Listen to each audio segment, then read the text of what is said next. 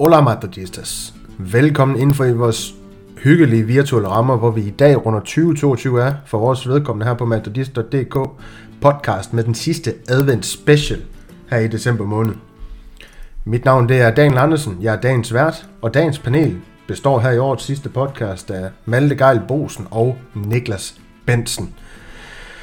Vi skal i øh, dag forbi de fem mest, har jeg fået at vide, mindeværdige kampe i 2022. Jeg må ikke kalde det de bedste, men i hvert fald mest mindeværdige. Øh, vores øh, sådan tre respektive bud på de fem mest mindeværdige kampe i 2022. Det kan godt være, at der er nogle overlappister her, men sådan må det være. Vi kommer til at dvæle lidt ved det hele og forhåbentlig få, et, øh, få en god debat i gang om de her øh, kampe, vi har, har fundet frem. Vi ser det som den perfekte afrunding på, på det her podcast over for, for vores vedkommende i hvert fald. Jeg lover, at vi kommer til at diskutere på et nogenlunde sådan konstruktivt plan. I ved godt, det nogle gange stikker af det ukære lytter. Jeg lover, at vi også vi kommer til at grine og smile undervejs i, i snakken. Og så lover jeg også, at uh, I derude kommer til at, at have den her, som jeg håber, I altid har, når I lytter til, til vores snakke. Uh, god følelse i kroppen undervejs. Og Niklas, først til dig. Jeg ved godt, du, øh, du ikke øh, kender Maltes bud på de her fem kampe. Jeg ved godt, du ikke kender min bud på de her fem kampe, med mindre selvfølgelig, jeg har snakket sammen. Det ser ikke sådan ud. Men øh, sådan helt generelt, hvad, hvad i møde ser du så allermest i, i den her snak, vi skulle i dag? Øh, jeg tror, jeg ser frem til at høre, hvad vi sådan hver har vægtet som mindeværdige. Øhm, der var altså for mig, at jeg har egentlig ikke brugt så meget tid på forberedelse den her gang, fordi at det, det, skulle være nogen, det skulle være mindeværdigt, så det er jo nogen, man kan huske. Øhm, så på den måde er det, er det lidt anderledes, end det plejer at være for mig i hvert fald. Men, øh, men, men det er jo, ja, det, vi skal jo heller ikke lave en analyse af de her kampe her. Det er jo, hvad husker vi dem for, og var det godt eller skidt, og, og så videre, ikke? Lige præcis, og vel vores lytter hører analyserne af de her kampe, så, så ligger de derude i vores kartotek for, for 2022. Der er i hvert fald masser at snakke om de her forskellige kampe, som vi kommer igennem i dag. Og men jeg er sikker på, at, øh, eller jeg føler mig sikker på i hvert fald, jeg kan jo ikke være 100% sikker på, på den her øvelse. Den, den har både, både givet dig, øh, Marit, og, men også gode drømme ved at, ved at kigge lidt tilbage. Men, men hvad var det, det sådan mest udfordrende for dig i at finde de her fem kampe? Jeg ved godt, det minder altså noget, vi snakker om, så de burde jo poppe frem sådan ret hurtigt, men der er alligevel mange kampe, man skal igennem. Ja, men jeg tror, øh, Altså det var jo ikke, det var egentlig ikke en særlig udfordrende øvelse i den forstand, at vi havde en fuldstændig vanvittig sæson i, i sidste sæson, så, så jeg tror måske, øh, jeg, jeg er lidt spændt på at se, øh, hvor mange overlap der er, fordi jeg synes jo, at der, var nogle, øh, der er simpelthen nogen, man ikke kan komme udenom i, i sidste sæson, om det så er positivt eller negativt, men i hvert fald øh, positivt er der rigtig mange gode kampe, i og med at vi vandt to øh, finaler og, og spillede øh, brav og en Champions League-kampagne, ikke? så så udfordringen bliver måske i virkeligheden at, at prøve at sige noget nyt, øhm, og prøve at komme med lidt forskellige perspektiver på de her kampe, og nogle gange kan det også måske give lidt ekstra at kigge tilbage på dem. Øh, og øh, ja, nogle, altså flere måneder efter, man ligesom øh, oplevede det sådan i mere her nu, ikke? Ja, og det her med de her no-brainers, Malte. Jeg ved godt, der er en kamp, som, som i hvert fald dig Niklas siger, har trukket med. Det kan godt være, det er en af du, dem, du refererer til, men jeg har, jeg har simpelthen ikke taget den med. Og du ved også godt, at jeg har den her selektive hukommelse, så det er jo nok mere derfor. Øhm, og også fordi, at og det kommer vi også til, det her med at sætte spor i en. Den har sat spor i jer to, det er der overhovedet ingen som helst tvivl i, hvor jeg har været sådan meget mere øh, parkeret den i, i, ja, i erindringerne, Ej, og så, så videre til, til de næste opgaver, der, der, der, der skulle ske i det forår. Men øh, det, det kommer vi til. Vi, det er faktisk anden kamp, vi skal igennem. Men øh, skal vi ikke bare hoppe ud i det, og så øh, springe til den første kamp, som vi faktisk alle sammen har. Øh, PSG, hjemmebanekamp mod PSG, som Real Madrid, de vinder, eller vandt 3-1 den 9. marts. Niklas, han var så, var så venlig at skrive datoer på for dem her, så det, det gjorde egentlig også ved din Malte, øh, men også mine bud, øh, så, så vi sådan lidt mere havde det i kronologisk rækkefølge. Det, det synes jeg, det var en fin måde at gøre det på. Så her, den 9. marts, returkampen i Champions League. Real Madrid er nede 1-0 fra, fra første kamp i, i Paris, hvor Mbappé han gjorde ondt med Lucas Vazquez og Courtois og fik uh, sat, sat bolden i net. Eller var det Cavaral? Det var i hvert fald en af vores højrebacks. ja, han gik nemt forbi og så fik sat den ind. Og så, så var det jo det her med, at vi kommer bagud 1-0 ved Mbappé også på Santiago Bernabeu, og så tager Ja, fanden ved vores franskmand og publikum og, og spillere, og det hele det går op i en højere enhed. Vi får lavet det første af rigtig mange legendariske comeback i, i Champions League. Flere af dem, den kommer vi også ind på i, i den der snak. Det er så heller ikke nogen hemmelighed, men Niklas, når vi tænker på, eller når vi, når du i hvert fald tænker tilbage på den her PSG-kamp 3, hvad, hvad er det så, de første tanker, der sådan løber igennem hovedet på dig?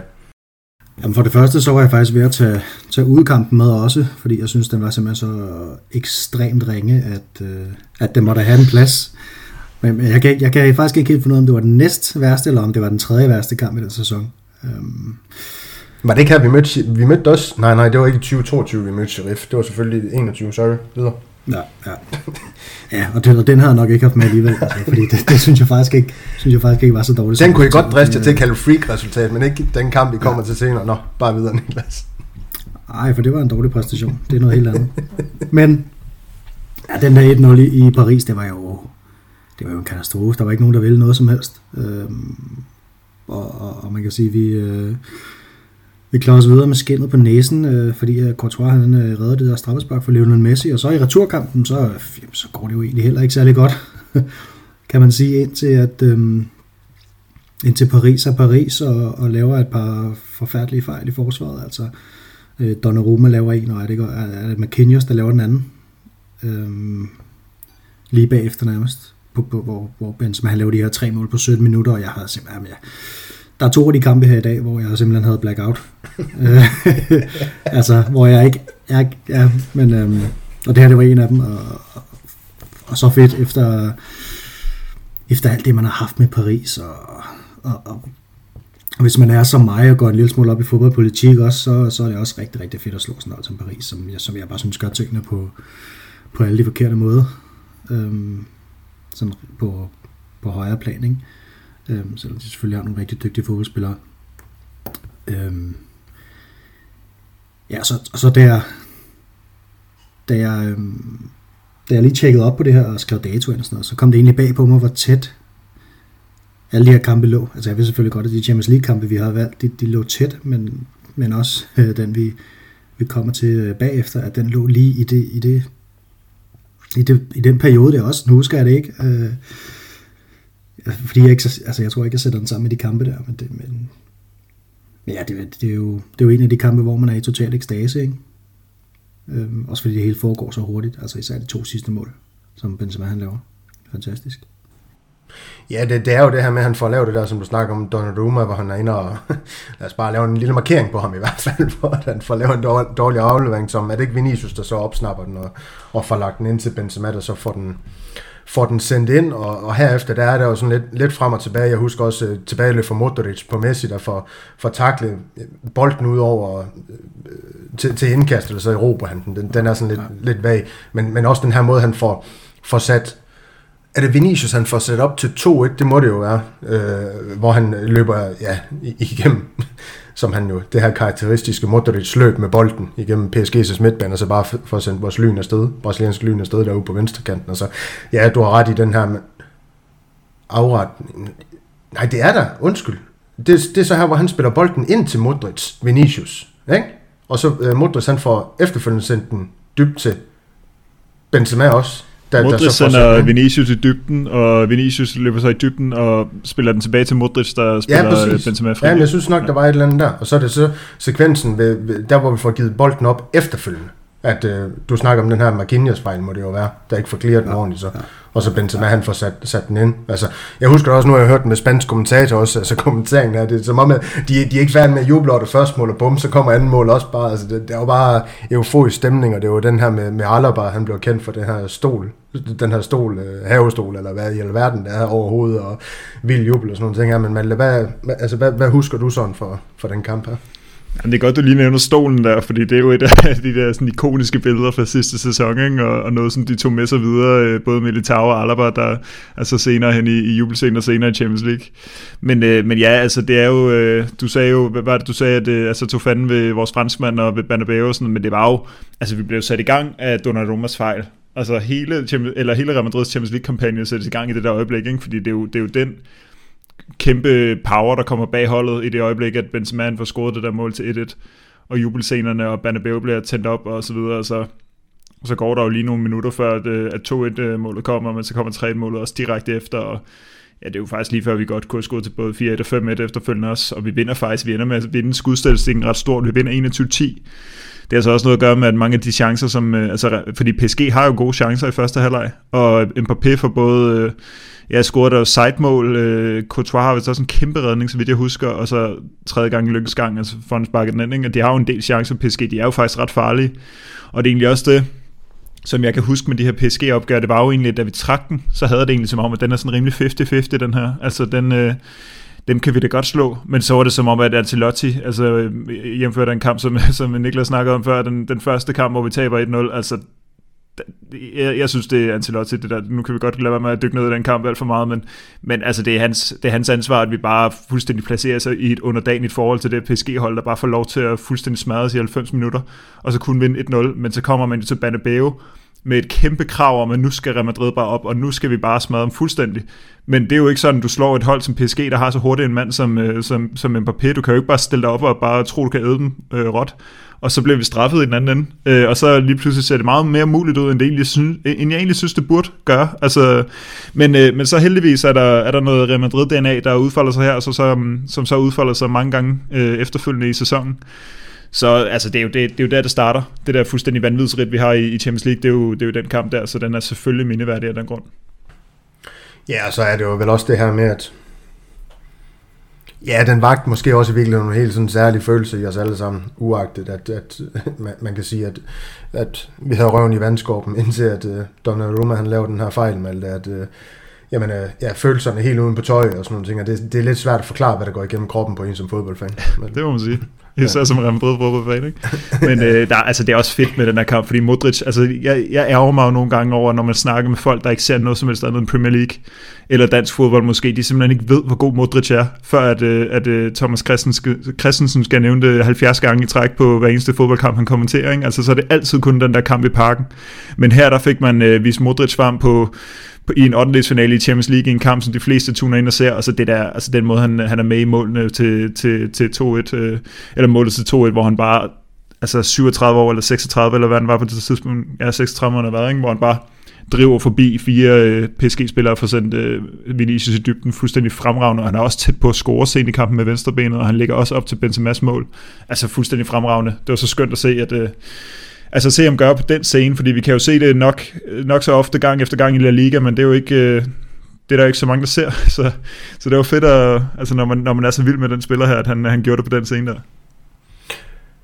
Og han gjorde det rigtig mange flere gange på den scene her. Også kampe, vi, vi kommer til i, i løbet af den her snak. Men jeg synes egentlig, vi skal parkere den her PSG-kamp, fordi nu kommer der jo noget ganske uinteressant. Et ganske uinteressant indspark for jer to. I vil gerne, I vil gerne frem til den, øh, hvad bliver det, Niklas? Det bliver den 20. marts.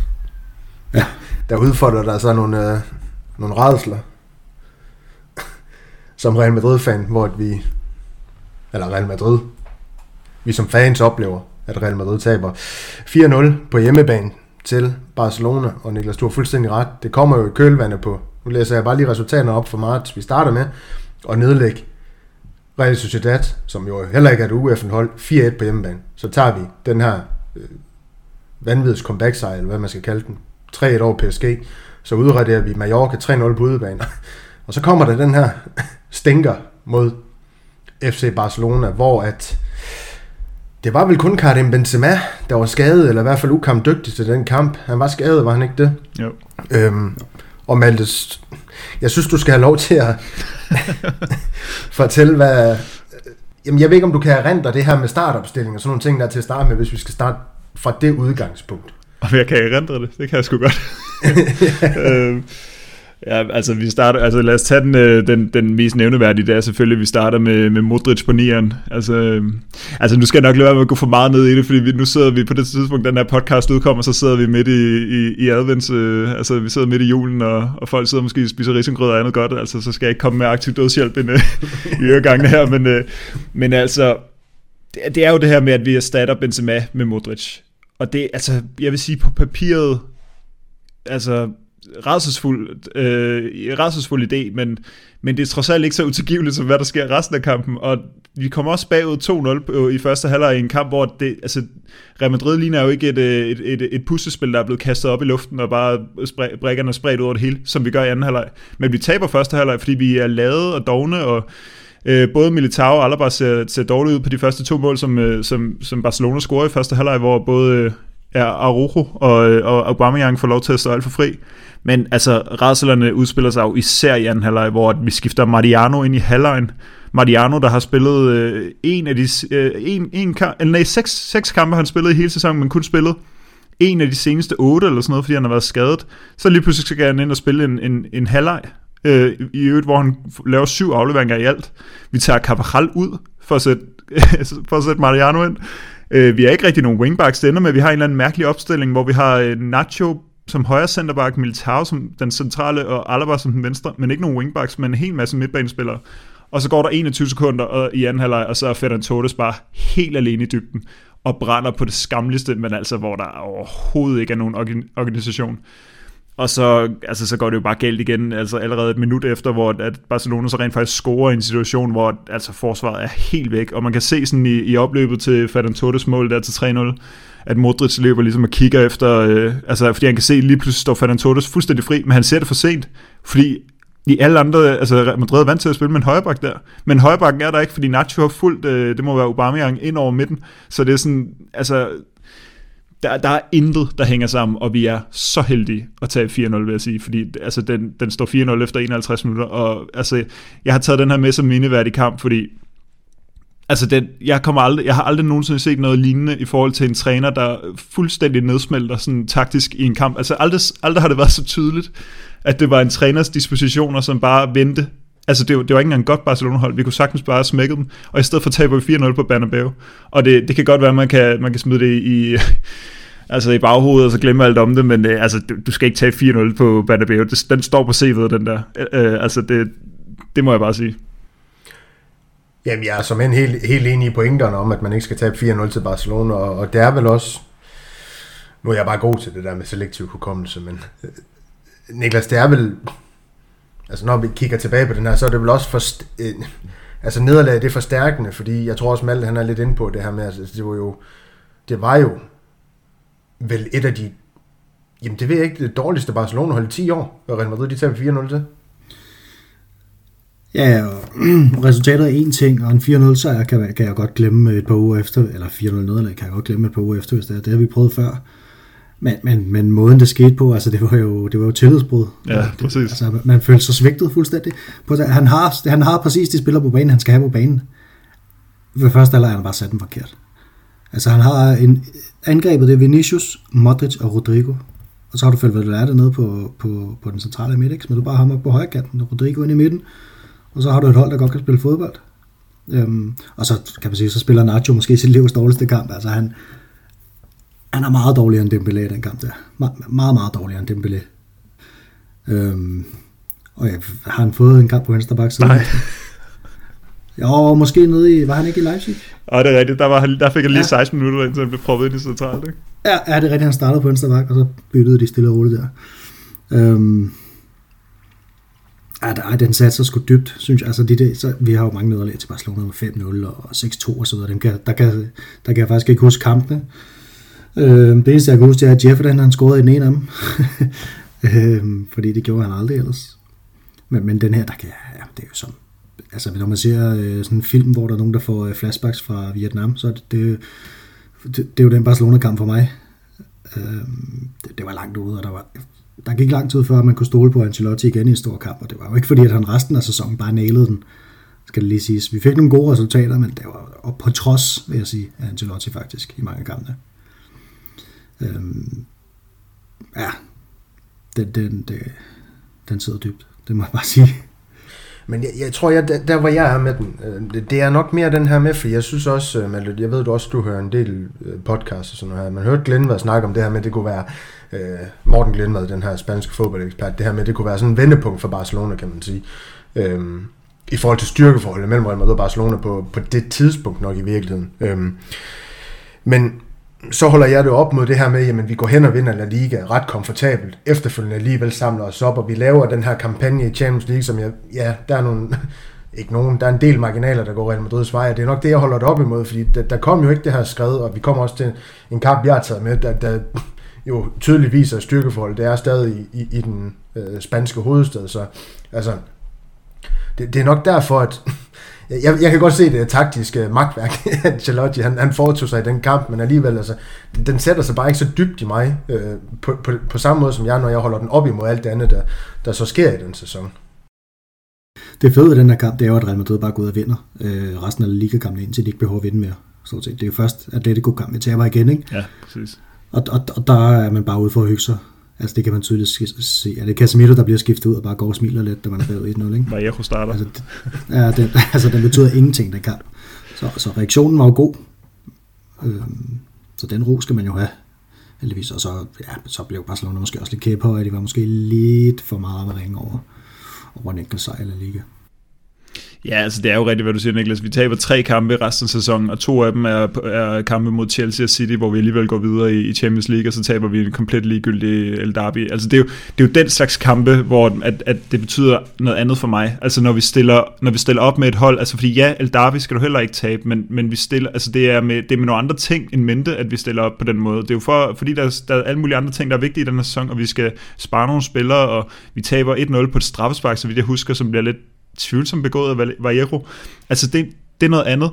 Og vi er tidligere tabt store kampe. Altså jeg kan huske, der var en forfærdelig kamp i, sæson, i Ancelottis anden sæson, hvor vi tabte 4-0 øh, på øh, Calderon, må det næsten have været. Altså mod Atletico Madrid, der hvor Saul scorer på Saxespark, en eller anden kedelig, kedelig januarkamp, hvor vi taber 4-0 også. Og vi har tabt 5-0 til Barca, og vi tabte tabt 4-0 før os. Men det har været nogle andre hold, vi har spillet mod. Det har været nogle hold, der har været kørende, og så, og så sætter det sig på en anden måde i mig det her, altså, jeg har aldrig, jeg, jeg, jeg har ikke siddet tidligere med den, med den følelse af, at, altså sådan af, af ren, altså brede, at sidde i min sofa og bare være sådan, det, det kan simpelthen ikke være rigtigt her. Det er, altså, jeg følte, det var Ancelotti, der lavede en vendetta mod os som fans nærmest. Altså, sådan, han pissede på hele Madridismonen på en eller anden måde ved, ved det her, fordi det var frygteligt at se på. Virkelig, virkelig frygteligt, og det stoppede bare ikke. Man sad i 51 minutter og tænkte, det her, det bliver 10-0. altså, den, den måde, han har reageret, den måde, han har prøvet at samle stummerne op, det er ved at sætte Mariano ind i stedet for Cavaral, og så står den, så står den 4-0 6 minutter senere. Det var frygteligt, virkelig skræmmende, ikke? Men, men heldigvis gik det ikke værre end uh, trods alt. Altså, vi fik ikke set øh, uh, Piquet stå med, en, uh, med fem fingre i vejret på, på Bernabeu, eller ti fingre i vejret for den sags skyld. Uh, og jeg vil sige, noget jeg også frygtede på det tidspunkt, det var jo en ting af, hvad vi fans stoler på. En anden ting er, at jeg tænkte også, altså den, her, den sætter sig der endnu mere grumt i spillerne. Altså de spillere, der render på banen, altså kan de stole på deres cheftræner? Det virker det så som om, at, de har, at, at det kan de godt. Eller også så genfandt de en eller anden øh, råstyrke, en eller anden dyrisk øh, en, helt inde i, i sig, hvor det, som sagde, at det, det skal aldrig ske igen det her, og så endte med at vinde, så endte med at vinde øh, begge trofæerne alligevel. Ikke? Men, det, men det er derfor, den er mindeværdig, det er fordi, altså det er lidt som du sagde med, med, med Vietnam-metaforen, øh, Niklas, den, den sætter sig jo som en slags... Øh, altså sådan en semi-traumatisk oplevelse, den der, synes jeg.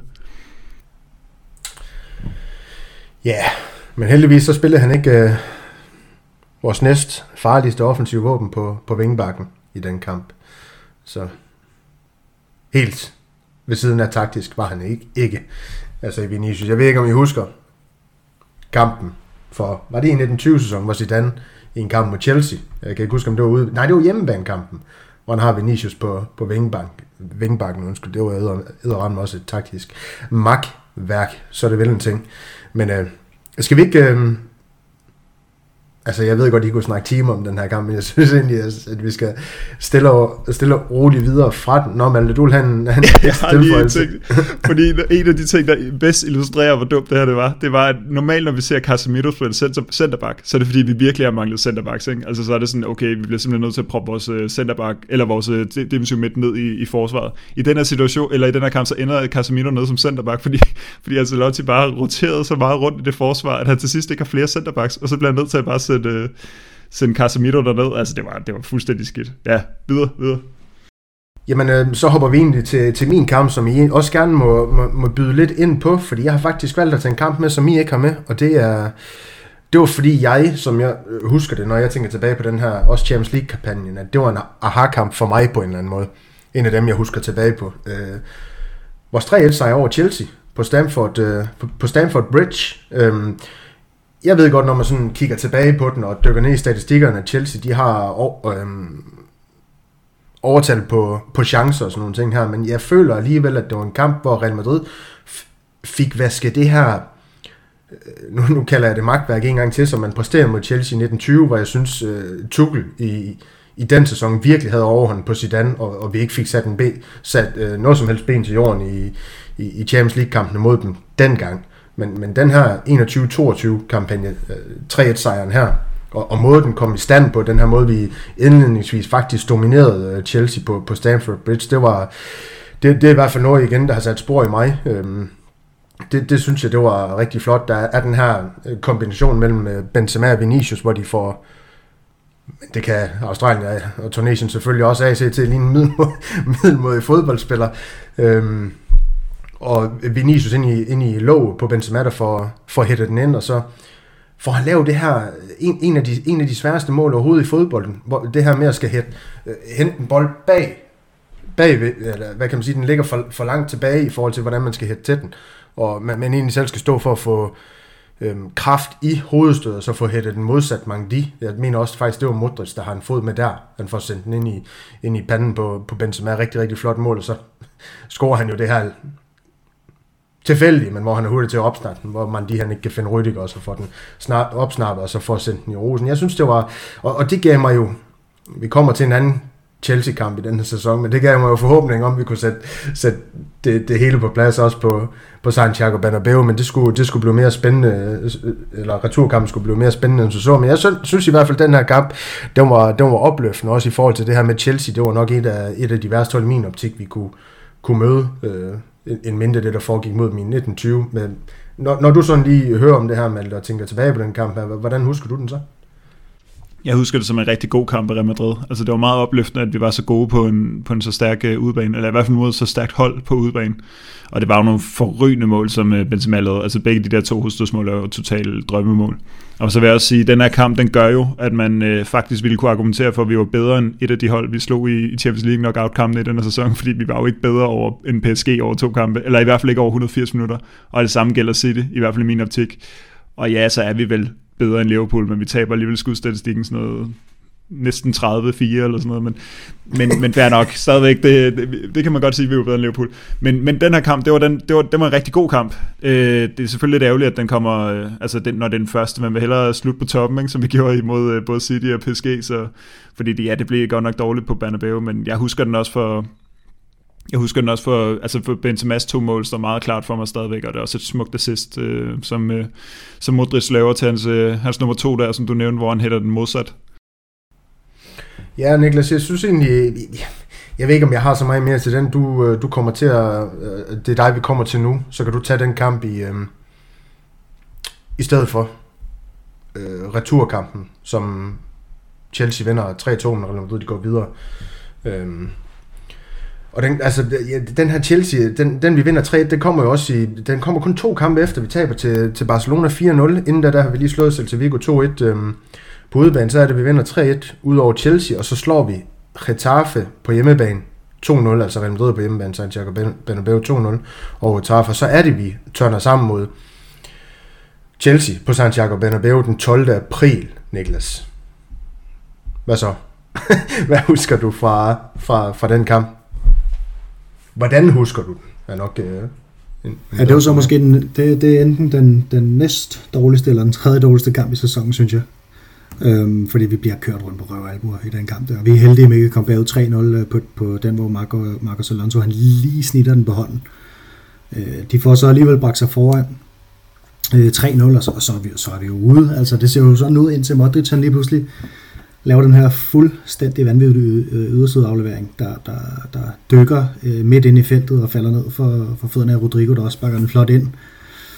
Øhm, og så er det jo igen, igen, igen, igen Vinicius og Benzema, der, øh, der, der gør det, ikke?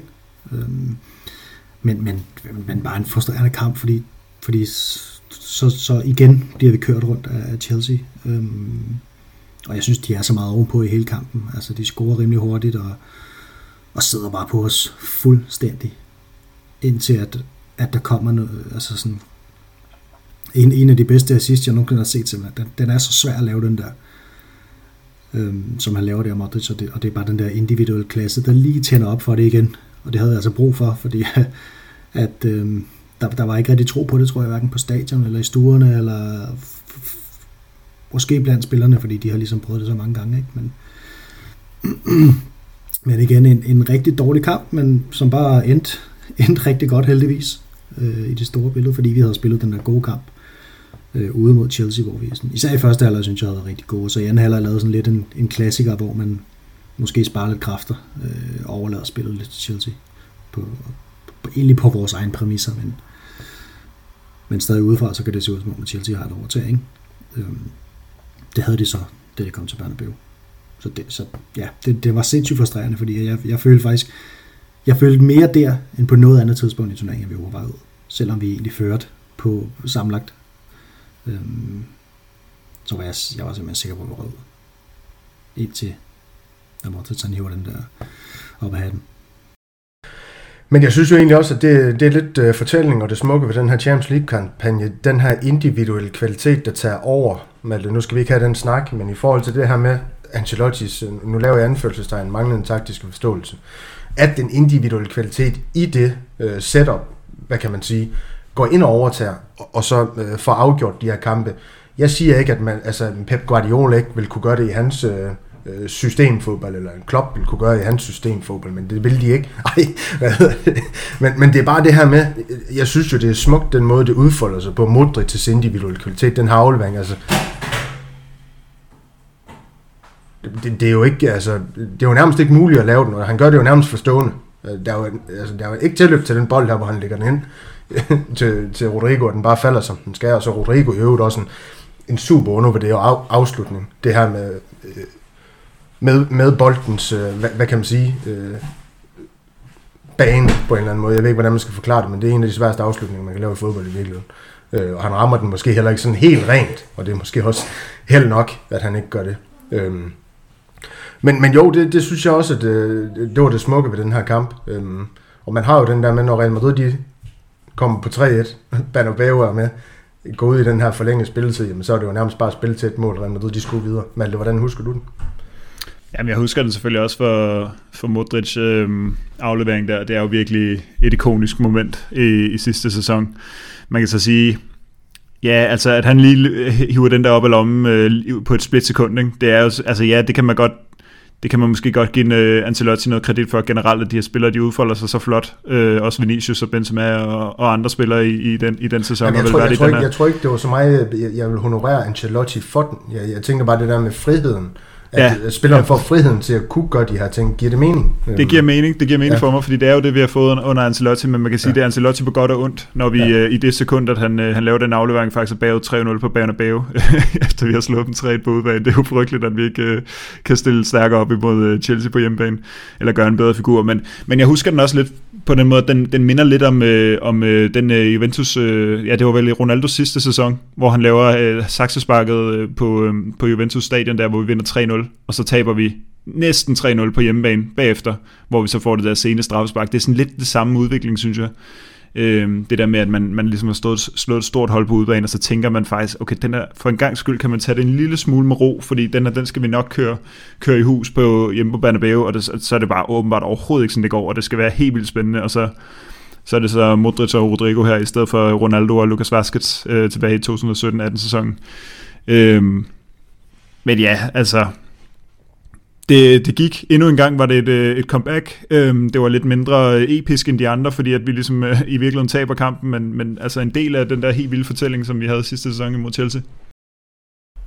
Ja, lige præcis, Niklas. Er der mere, du har på den her kamp, eller skal vi øh, ile videre? Øhm, Nej, ved du hvad, lad os komme videre. Vi ved, jeg ved ikke, hvor mange kampe vi har. Jeg ved ikke, hvor mange vi har til fælles jo.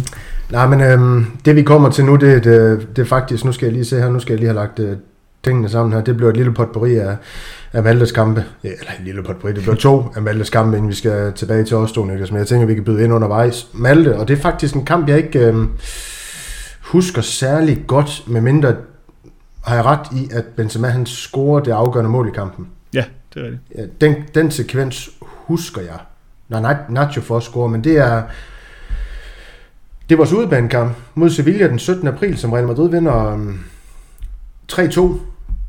Vel også en comeback-kamp, Malte, men det, det rent du garanterer en hel masse mere om.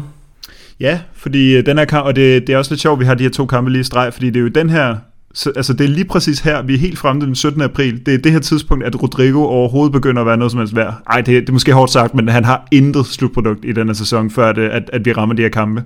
Fordi det, det er jo den her kamp, hvor vi, vi har Altså, det er virkelig, virkelig en dårlig kamp i første halvleg, og det ser fuldstændig umuligt ud. Og vi er bagud 2-0 i, i halvleg, Militao kajter rundt, og Kammervinga er sindssygt heldig med ikke at blive øh, flået ud, eller, eller simpelthen blive sendt ud med et rødt kort. Hvis man kan huske den der, hvor han bare kaster sig op på ryggen af en Sevilla-spiller, og så nærmest bare sakser ham samtidig øh, i noget, der både kunne være et direkte rødt kort, men også et, øh, sådan en, en, en nødbremse på en gang. Men han slipper simpelthen, så bliver han selvfølgelig flået ud i halvlejen, og indkommer i stedet for Rodrigo.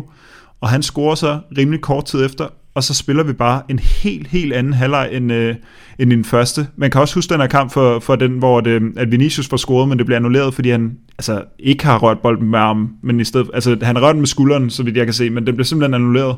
Han scorer ellers til, til 2-2, men Real Madrid bliver bare ved med at køre på, køre på, køre på, og det her det er jo øh, vel at mærke på, på Sevillas hjemmebane, som altså er et rigtig svært sted, hvor Real Madrid virkelig har dummet så mange gange. Men, men i den her, den her sæson, altså i sidste sæson, der, der slår vi dem 3-2, og anden halvleg er så meget bedre end, end øh, første. Altså vi har meget mere boldbesiddelse, vi har mange flere skud, og det ender jo øh, lidt, altså det, det er også en af de her kampe, der er lidt i familie med dem, vi havde i, i Champions League, fordi det, altså, vi, vi scorer forholdsvis tidligt i anden halvleg til 2-1, men så skal vi helt frem til sådan noget, det er 82. før, at, øh, at Nacho øh, får scoret, og og så skal vi helt frem til det 91 eller sådan noget, før Benzema får scoret, og Rodrigo lægger op til et, score et, og så er det også den her kamp, hvor, hvor Cabral af alle, han får simpelthen lavet en assist, både for venstre bak og for højre bak.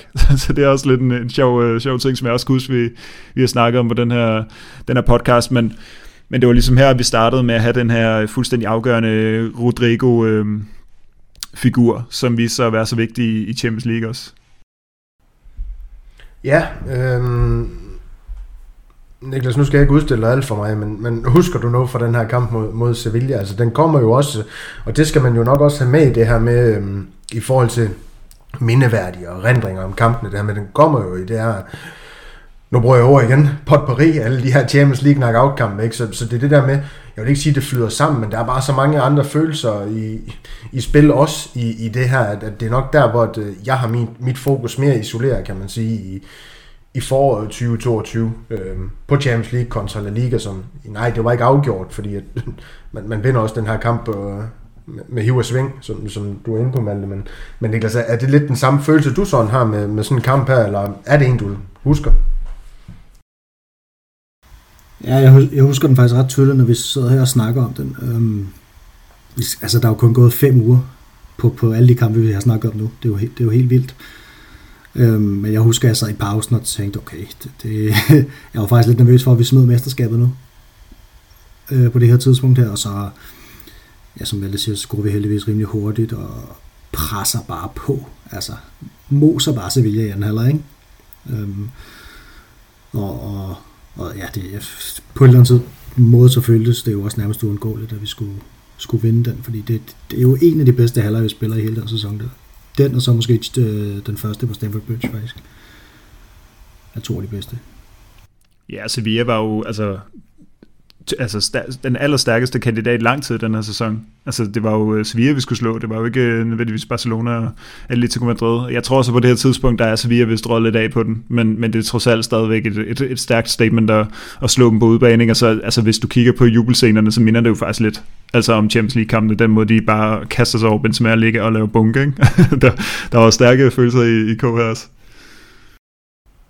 Ja, lige netop, men, øh, men det her, det, det sker som sagt øh, den 17. april, og med, de slår Sevilla 3-2, så um, vinder man ret sikkert 3-1. Nu kigger jeg kun på resultatet, så jeg er ikke lige inde på at se matchreporten lige nu, om, om det var sikkert, eller om det også var sådan noget, hvor man var på 1-1, og så får scoret til 2 3-1 sådan sent i kampen. Men det var den 20. april, tre dage efter. Og så møder vi Manchester City den 26. april på Etihad. Øhm, vi kommer til at byde ind, Malte, men Niklas og jeg, vi har, øhm, vi har returkampen på vores liste okay. over de fem mest øh, mindeværdige kampe, så jeg synes ligesom, du skal tage os igennem den her oplevelse som, i hvert fald for din stol, Real Madrid-fan. ja, men øh, det, det der var med den her kamp, det var, at jeg var, jeg var ude at spise med mit arbejde øh, den her aften, så jeg lukkede selvfølgelig, som jeg gør, når jeg skal noget, mens Real Madrid spiller, så lukker jeg fuldstændig ned for, for alt, hvad der hedder... Øh, hedder øh, internet, og så siger jeg til alle jer sammen, at de skal ikke fortælle mig noget som helst. Jeg øh, prøver nærmest at undgå at høre samtaler som folk, der går forbi, fordi jeg vil ikke vide noget som helst. Ikke? Øhm, og, og så tager jeg hjem og ser den her kamp øh, for, forsinket på, på Viaplay, vel, og, og jeg tænker, åh, jeg håber ikke, at det bliver slemt det her. Altså en udbanekamp mod Manchester City, det er noget af det værste, jeg kan forestille mig simpelthen. Og så er vi bagud 1-0 efter halvanden minut på et Kevin De Bruyne mål, og så er vi bagud 2-0 efter 11 minutter, og jeg tænker, det er simpelthen ikke rigtigt, skal jeg sidde og lide igennem den her nat, ikke? Men så, øh, så på en eller anden måde, så lykkes det dem simpelthen ikke at, øh, at, at score. Altså, jeg, jeg, jeg, blev, jeg blev nødt til at gå ind og se øh, highlights for den her kamp, fordi jeg kan bare huske enormt mange store chancer for City. Og jeg tæller altså tre kæmpe chancer til Marais, to til Foden og en til Laporte, altså sådan nogen, der bare burde være 100% sikre. Øh, enten bare sparke direkte ind, eller sparke ind til en fuldstændig fri mand ind på midten. Men det lykkes dem jo ikke. Og i stedet for, så står øh, Guardiola og skaber sig, som han altid gør ud på, på sidelinjen, og måske forvirrer mere end, øh, end noget andet egentlig. Og så lige pludselig så sparker, altså, og igen, altså det her, det, her, det kan umuligt have noget, altså det er ikke fordi, jeg, jeg ikke kan lide Ancelotti, det er ikke fordi, jeg ikke vil honorere hans, øh, altså hans øh, egenskaber som, som træner, men prøv at høre, måden vi kommer tilbage i den her kamp på, det er, at vi lige i et sekund, lige er heldige at have bolden en lille smule ude ved venstre side, så smider Mandi et umuligt indlæg ind i feltet, og så sparker Benzema den bare ind, altså med venstre benet, fuldstændig fænomenalt.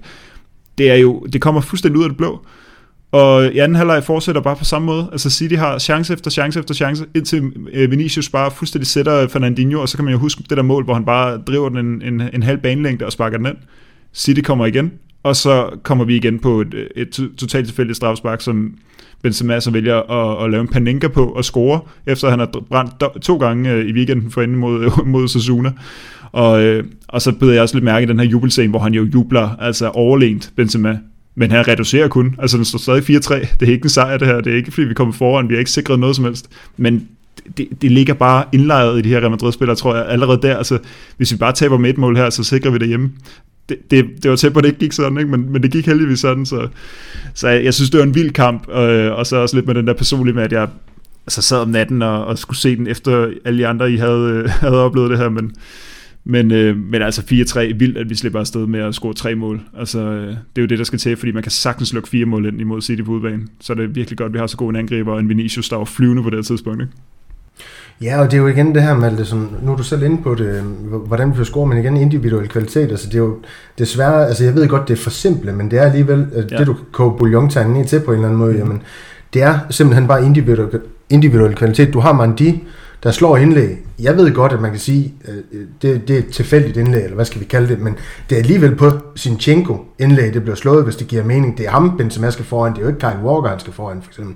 Så, så, så, så der er noget der, man kan sige, at han har en både fysisk edge og et klogere hoved, fodboldhoved end sin, Sinchenko. Han har et særligt defensiv for Sinchenkos øh, vedkommende, og så kommer han jo foran, og så får sat den rigtig, rigtig flot ind. Ja, med venstrebenet og alt muligt. Ja, det er præcis, helt, det, altså Benzema er jo for vild. Ja, altså. Det var en af de der XG-chancer der, hvis det overhovedet var en chance, der giver 0,02 måske, når man kigger på den. Og så har du Vinicius, ikke også? Så ved jeg godt, at det der, hvor Kyle Walker han har gået ud med en skade, øh, er ikke det? Jo, fat, ah, Just Stones, tror jeg. Han var ude hele kampen.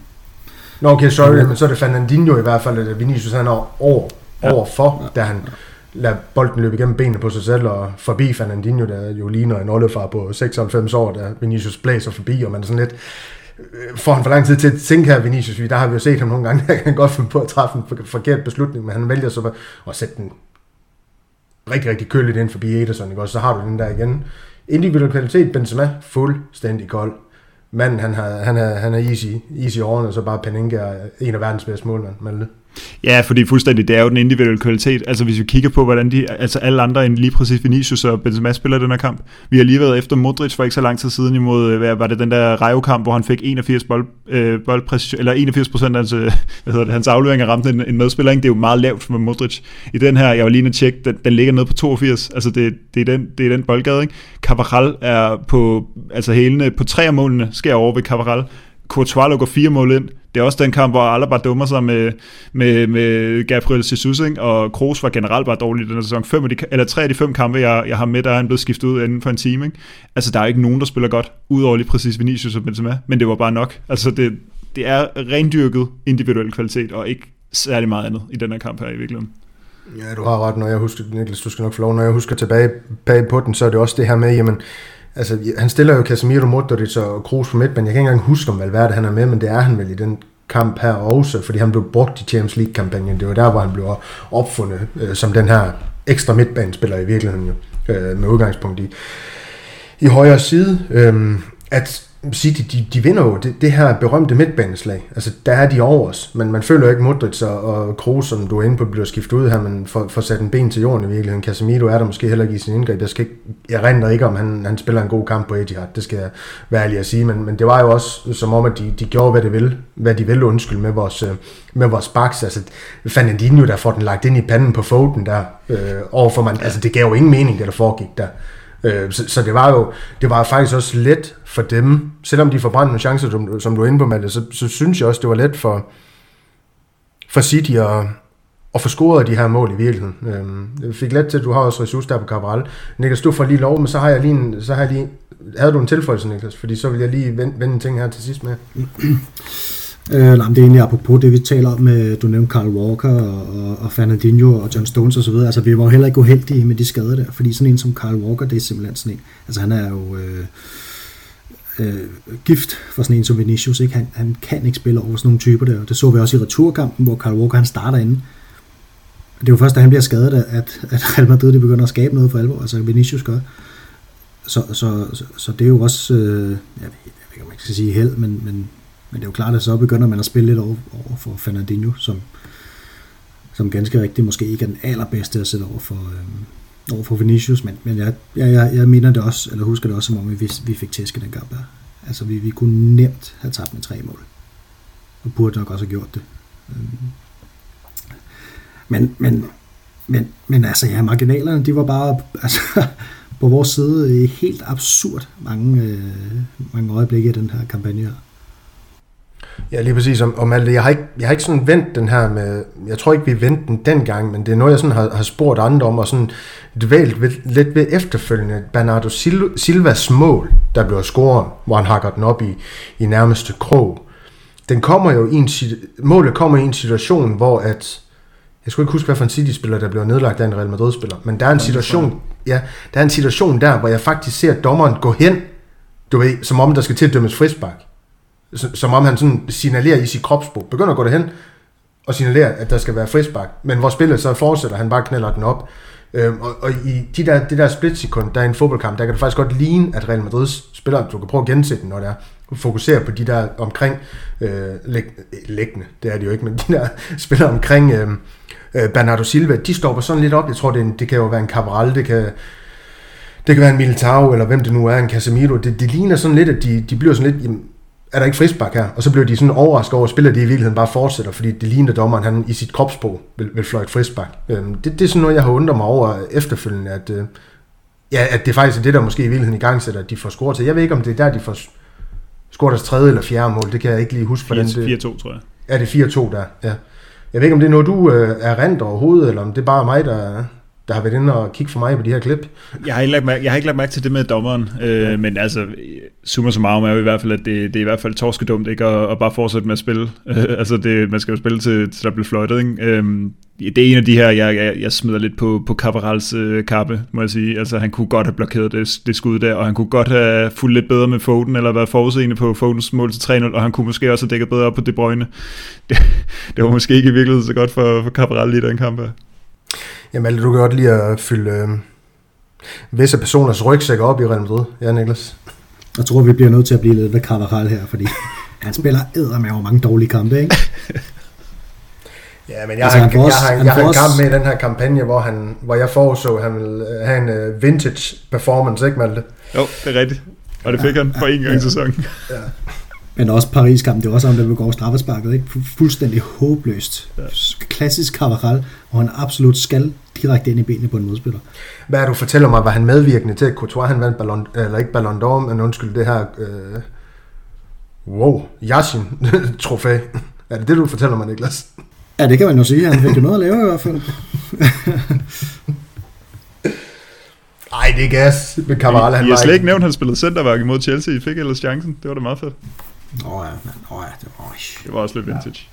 Det der, øh, Men spillede han ikke godt der? Der husker jeg Jo, også bare, som om han, han faktisk løftede, løftede sit spil. Jeg ved godt, Ja, det er den, så vi god. taber 3-2, men jeg, jeg, jeg synes at han, han løfter sig i den kamp, og netop øh, viser lederegenskaber, også selvom det er centralt i banen. Altså, der var også nogle sjove ting nogle gange sidst i de kampe her, men det kommer vi også til i den næste kamp her, hvor at, ja, Vajero, han skulle ind og lukke af for, for det hele i de sidste 5 minutter, 5, 6, 7 minutter, det bare var nervepigerne det hele og sådan nogle ting her, men øh, har vi mere på den her, fordi så kan vi hoppe videre til det, der sker i returkampen i virkeligheden. Hvor Real Madrid jo på forunderlig vis vinder 3-1, selvom man er nede 1-0. Den skulle godt nok øh, ud i forlænget spil, så da, vi, da de scorer til 1-0, der er det jo så 5-3 sammenlagt til City, så der var en del, der skulle hente sig, og det kommer vi til, fordi der skete altså også rigtig, rigtig mange ting, og der er måske en spiller, jeg synes, vi ikke har, har krediteret nok i vores snakke for, for det defensive arbejde her, her i, imod Manchester City, inden vi får, hvad kan man sige, score til 1-1 og, og 2-1, men, men hvor, hvor skal vi starte med, med den her, Niklas? Øhm, jeg kunne også godt tænke mig, lige, at vi på et tidspunkt uh, snakker Vinicius Kyle Walker, fordi mit postulat, det vil jo faktisk være, at, at i den kamp her, som jeg husker det, der var Kyle Walker ikke 100%. Det er jo sådan, jeg husker rygten op til kampen, men Guardiola, igen anførselstegn, satte ham.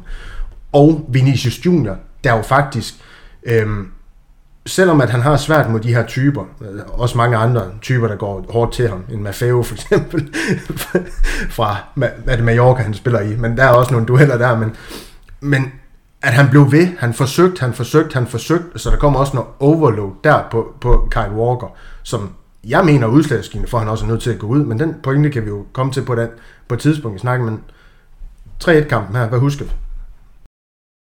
Jeg husker det egentlig som en okay præstation. øhm, ja, en af de bedre kampe. Sådan helt generelt også, og City får først scoret der efter ja, et lille kvarter tilbage, ikke? og der har man faktisk holdt dem rimelig godt, og, og sætte kampen an, og man er kun bagud med et enkelt mål, så det er jo ikke noget, der haster, kan man sige. Øh, jeg husker så også, at, øh, at Vinicius han, øh, overhovedet ikke kom forbi Carl Walker, men det er rigtig nok, at han går ud med en skade med, med et kvarters tid tilbage, og så, og så, og så er der ligesom åben hus derovre. Øhm, Ja, så skal der jo mirakler til igen. Altså, øh, da, da Rodrigo han kommer ind, så afgør han den fuldstændig. Det må man bare sige. Det, det går simpelthen så stærkt. Og, og der findes jo den her video øh, ude fra en tribune eller sådan noget lignende, der bare filmer i en vinkel i, i, i alle de her minutter. Eller de her minutter, hvor at, at Real Madrid kommer tilbage, som man alle skal gå ind og se, og så hver gang man ser den, så skal man lægge, lægge mærke til en ny person på bænken eller på banen. Øhm, og, og det var faktisk her, da, da, da, da han scorede til 2-1, uh, Rodrigo, der, der black out. Altså, jeg kan ikke huske. Jeg, jeg, der gik fem minutter, før jeg fandt ud af, hvem fanden der havde scoret. Jeg kunne overhovedet ikke, øh, jeg kunne ikke være mig selv, simpelthen. Det, det, og, og det var mærkeligt, fordi altså de score, uh, Riyad Mahrez, han scorede det her mål, hvor okay, det, det er bare godt hugget ind, tænker jeg, det var godt nok ærgerligt, fordi, fordi vi havde egentlig okay chancer øh, for at gå videre her, tænker jeg. Jeg synes, vi var bedre end City på, i den kamp der. Øhm, og så sidder jeg egentlig med sådan en, jeg synes faktisk, at vi spillede så godt, så at, at det kunne sagtens lykkes der. Også, også til aller, aller sidst. Jeg var mere sikker på, da vi var bagud 1-0 efter 90 minutter der, at vi ville gå videre, end, end jeg var, da vi kom bagud øh, 3-0 til, til Chelsea for eksempel. Der, der havde jeg større tro på det. Og, og, og så da, da først han scorede det der mål til, til ja, allerede da han scorede til 1-1, der, der tror jeg simpelthen, at det, det er så selvforstærkende det der med, at, at hvad Bernabeu det er blevet til, også hvor, over for Manchester City, som jo ikke er super rutineret- rutineret i den her turnering her, øhm, og har dummet sig før, at, at så, så begynder man simpelthen at blive en lille smule usikker på det, man laver, tror jeg. Som, som City-spiller og som klub, og Pep Guardiola, han tænker sikkert også City, ikke? Altså det er mange år siden, han har vundet i Champions League sidst. Og omvendt så Real Madrid, de ved bare, altså, de kører bare på og taber i koderne og, og gør bare de rigtige ting. Øhm, og så ser man jo den, det her 2-1-mål, at Rodrigo han ligger en aflevering ud til højre, og han, han tager sig selv til hovedet, fordi at det, den, den kommer til at ligge bag Militao, tror jeg det er, som så ligger den tilbage til, til, til Cavaral, der ligger den ind til, ja, til Rodrigo, der, der hætter den ind, og, og altså det er jo så heldigt, fordi Asensio han snitter den jo først, så i virkeligheden burde han slet ikke kunne time den, Rodrigo, og, og altså det burde jo være umuligt, men, men det lykkedes alligevel på en eller anden måde, og så, ja, så begår de straffespark i, i den forlængede spilletid City. Og så er det slut. Og, de har jo, og det, og det er jo det, da, da, da vi ligesom kommer foran 3-1, der skaber City jo ingenting. Der, der kommer ikke noget fra dem, et modsvar eller noget som helst. De er bare færdige på det tidspunkt der. De tror slet ikke på det selv. Det var fantastisk.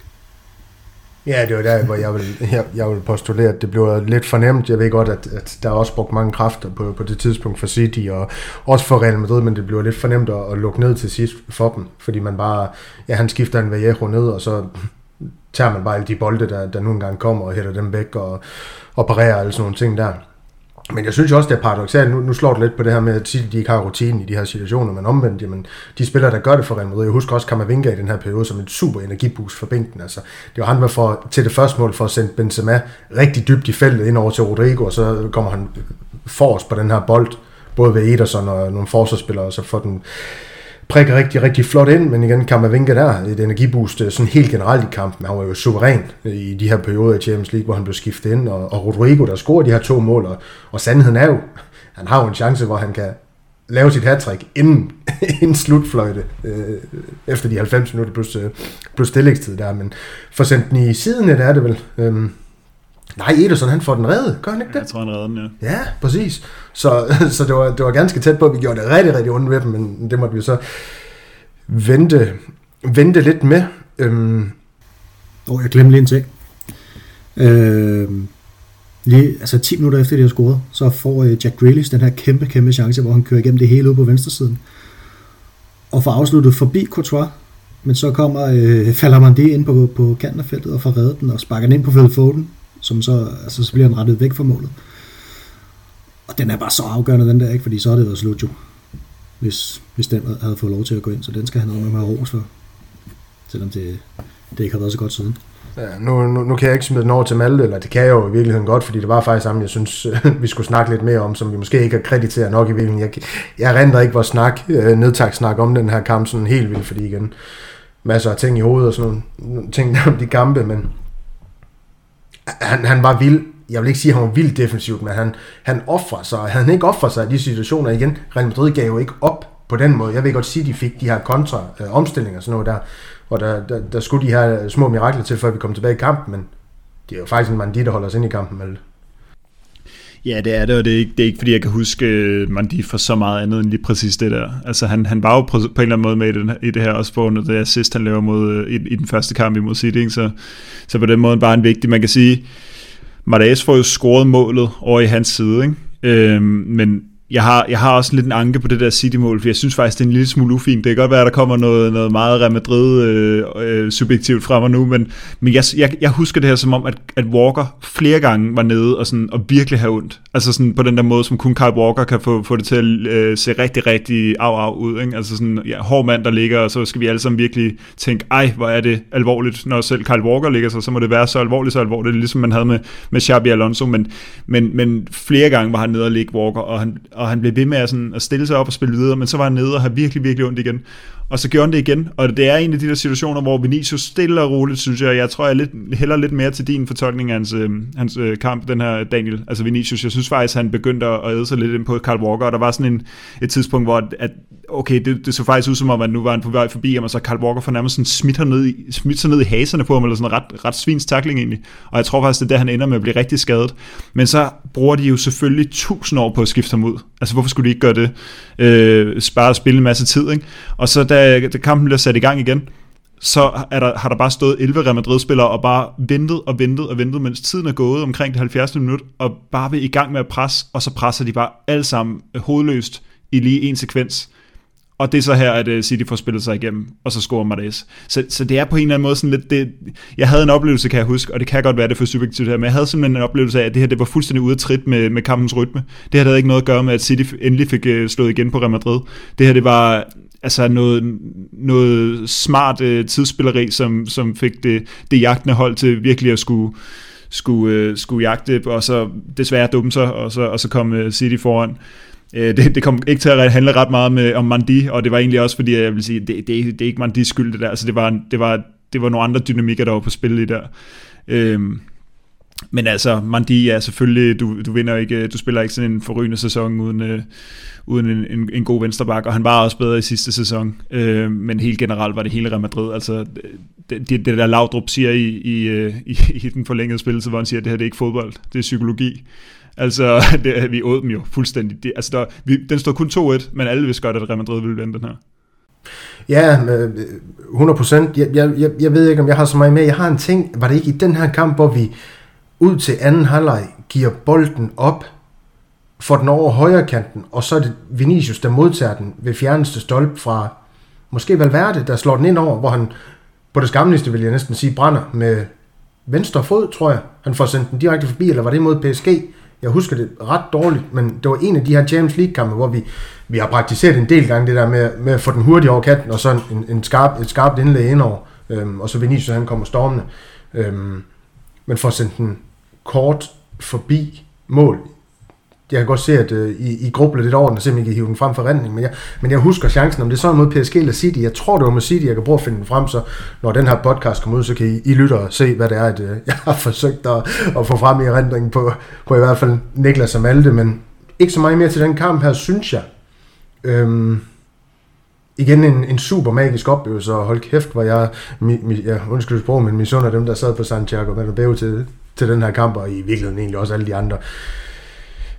Champions League-kampe i knockout-fasen for Real Madrids øh, vedkommende, om alt, øh, det var jo faktisk din, øh, din sidste kamp af de her fem mest mindeværdige kampe i 2022 for dit øh, vedkommende. Du synes ikke, at foråret her, øh, eller efter, undskyld for Real Madrids vedkommende, efter sommerpausen, det har, det har været, at, været at skrive hjem om? Jamen, øh, jeg synes jo, det var svært at komme udenom. Altså, jeg, jeg havde nogen, jeg havde nogen i, i kikkerten i, i denne sæson, men øh, jeg synes trods alt et, øh, et El Derby, som vi vinder 2-1, uden Benzema, men med en velspillende Vinicius og en velspillende Rodrigo, det, det kunne ikke helt måle sig med, med nogle fuldstændig vanvidskampe i Champions League. Og det er også lidt, altså hvis vi, hvis vi kunne overveje at lave den samme, øh, den samme øvelse næste år, så kan det være, at vi har lidt, lidt, lidt flere, øh, altså der var simpelthen nogle uundgåelige her, så det var svært at, at hoppe ind i den nye sæson her. Ja, lige præcis. Jeg har min næste kamp, og det der er min anden sidste kamp, men du får lov til at tage hul på din sidste kamp, Niklas. Det er, jeg er faktisk lidt overrasket. Jeg kan egentlig spørge jer til at starte med, hvorfor der ingen er, der er Champions League-finalen med mod Liverpool. Jeg ved godt det her med, men, men, men det er vel det, der står ud fra 2022, er det ikke det, i forhold til minder? Altså, Niklas sagde noget til at starte med, det her med at ikke at forberede sig så meget, og det her med, hvilke minder har sat sig fast. Fordi så er de jo per definition mindeværdige. Og jeg vil, altså, der, er, der er nogle andre ting, der er, altså, som simpelthen har sat sig mere fast. Altså, det, det var som om, at uh, Champions League-panelen på en eller anden måde var en dag, en dag på kontoret, hvis man kan sige det. Jamen det er du også ret i, men det der med, altså jeg har den jo med, men det der med, at, at, at det jeg husker på, nu skal det alt ikke handle om det her med, at jeg foreså Cavarals præstation over for Luis Diaz, men, men, men det her med, at du har en Cavaral, du har en Courtois, du har en, øhm, en Casemiro, som jo egentlig også spillede godt i den her kamp. Jeg synes, Kroos var rigtig, rigtig dygtig. Spiller en dårlig sæson, som du er inde på, stepper det op her. Mm. Modric er der altid. Valverde, som vi snakker om, kan jeg huske i nedtakten, det her med, jamen det virker på det tidspunkt, man Valverde, med Valverde, undskyld, som det i virkeligheden også gør nu i den her sæson med ham, jamen, han, han kan bare drive bolden og så løbe fra hvem, hvem det nu skulle være. Han kigger så lige tilbage, når jeg, jeg skal beløbe nu, og så løber han bare med den bold her. For klasken ind over til Vinicius, der så, der så får scoret det her mål. Øh, jeg ved godt, at igen, Courtois. Men det, men, men det, det er jo sådan nogle ting, når jeg tænker tilbage, jeg husker, og så siger man, hvad, hvad for en kamp er det her så sket i? Jamen, det var Champions League-finalen mod Liverpool, hvor de her spillere, de, øh, de, de gav mig noget, der har i hvert fald sat sig fast i mig for, for 2022. Ja, det er også lidt kontroversielt ikke at have Champions League-finalen med. Jeg vidste også godt, at det ville blive et fokuspunkt, da jeg ikke tog det med. Men jeg, jeg, tror, det, jeg tror, det var Sevilla-kampen, jeg, jeg fik, plads til, fik lige plads til en lille smule af liga, fordi det var trods alt også stort, at vi vandt det dubbel. Altså, ja. der skal også... Øh, der skal også en, det, det er lidt mere langstrakt affære, det der med, med La Liga, ikke? men der er, nogle, der er nogle nøglepunkter undervejs, hvor der bliver sat nogle ting på plads. Så jeg, jeg tror måske, jeg prøvede at, at vægte La Liga lidt også. Og det synes jeg, det er, det er helt fair, men Niklas, når du sådan tænker Champions League-finalen mod Liverpool, er der så noget, der står ude for dig i den finale? Der er i hvert fald en, der stod i den finale, kan man sige. ja, Courtois spiller en, øh, en rigtig, rigtig god kamp, som han, som han gjorde rigtig, rigtig ofte øh, i sidste sæson, og også havde behov for det, og så selvfølgelig Carvajal spiller en af, af de eneste gode kampe i, i løbet af sæsonen. Ikke? Altså, Malte sagde, at han var holdets dårligste spiller i sidste sæson, var det ikke noget med det? Eller var det det Casemiro? Ja, det, det ved jeg faktisk ikke. Det kan godt være, det er nærmere Casemiro, men det er nok en af de to. Jamen, han havde jo været en katastrofe, ikke? men så steppede han lige pludselig op der. Det var jo, altså, det var, det var fedt, det var fantastisk. Og så har vi jo sådan en, en real ting med Liverpool, hvor det bare, det, det er bare sindssygt fedt at slå Liverpool. Altså, jeg, jeg kan ikke lide dem. Det, sådan, så, nej, det kan jeg virkelig ikke. Det kan jeg virkelig ikke. Øhm, og vi, vi har det jo heldigvis med at slå dem, så det er jo dejligt. Men, men, men, men det er måske, ja, det er jeg ved ikke, om det er typisk mig og Malte, men vi kigger jo, vi kigger jo ofte ud over resultater, kan man sige. Øhm, Åh, oh, se os. Fejnsmækkeren på toppen. ja, men man kan sige, at- altså og Malte, jeg tror, vi, vi ser måske fodbold ens, hvor at, så ser du fodbold på, på en anden måde, ikke? og det har vi jo meget sjov med internt. ja, de, ja, de ser fodbold på en anden måde end mig. Ja, Ja, ja, ja. Øhm, så det er måske sådan lidt typisk i virkeligheden. Lad os lege til det, der løfter den her podcast til et fuldstændig andet niveau. Ja, det, er- tror jeg var er- håbet det er- det der. Det, det, det, er sådan lidt, det er lidt mere sådan en straightforward sejr, end mange af de andre har været, kan man sige. Og præstation også. Altså, det var en god præstation. Jeg synes, jeg synes det var god i Champions League-finalen. Øhm, det var ikke sådan rigtig for alvor i, i problemerne, men jeg ved godt, okay, Courtois har nogle sindssyge redninger på, på Mané og på Salah, men jeg synes egentlig, der havde okay styr på det.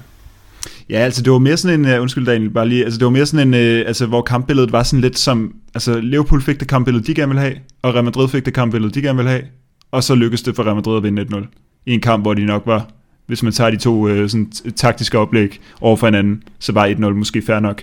Fordi Real Madrid havde ikke, øh, altså det var heller ikke meningen, at Real Madrid skulle vinde uh, skudstatistikken mod det Liverpool holder. Vi stillede os langt tilbage, og vi kørte på nogle kontra, og Valverde slår et fuldstændig perfekt indlæg, skråstreg afslutning, never ending uh, discussion, men, uh, og Vinicius får et, et stort, en, en stor ting på CV'et, ikke? Så, så, så jeg er egentlig enig med Niklas. Jeg tror, det er det der med, at det var knap så episk, og det behøver det bestemt heller ikke altid være så episk, men der var så meget episk i den her sæson, ikke? med alle de der kvartfinaler, åndedelsfinaler osv.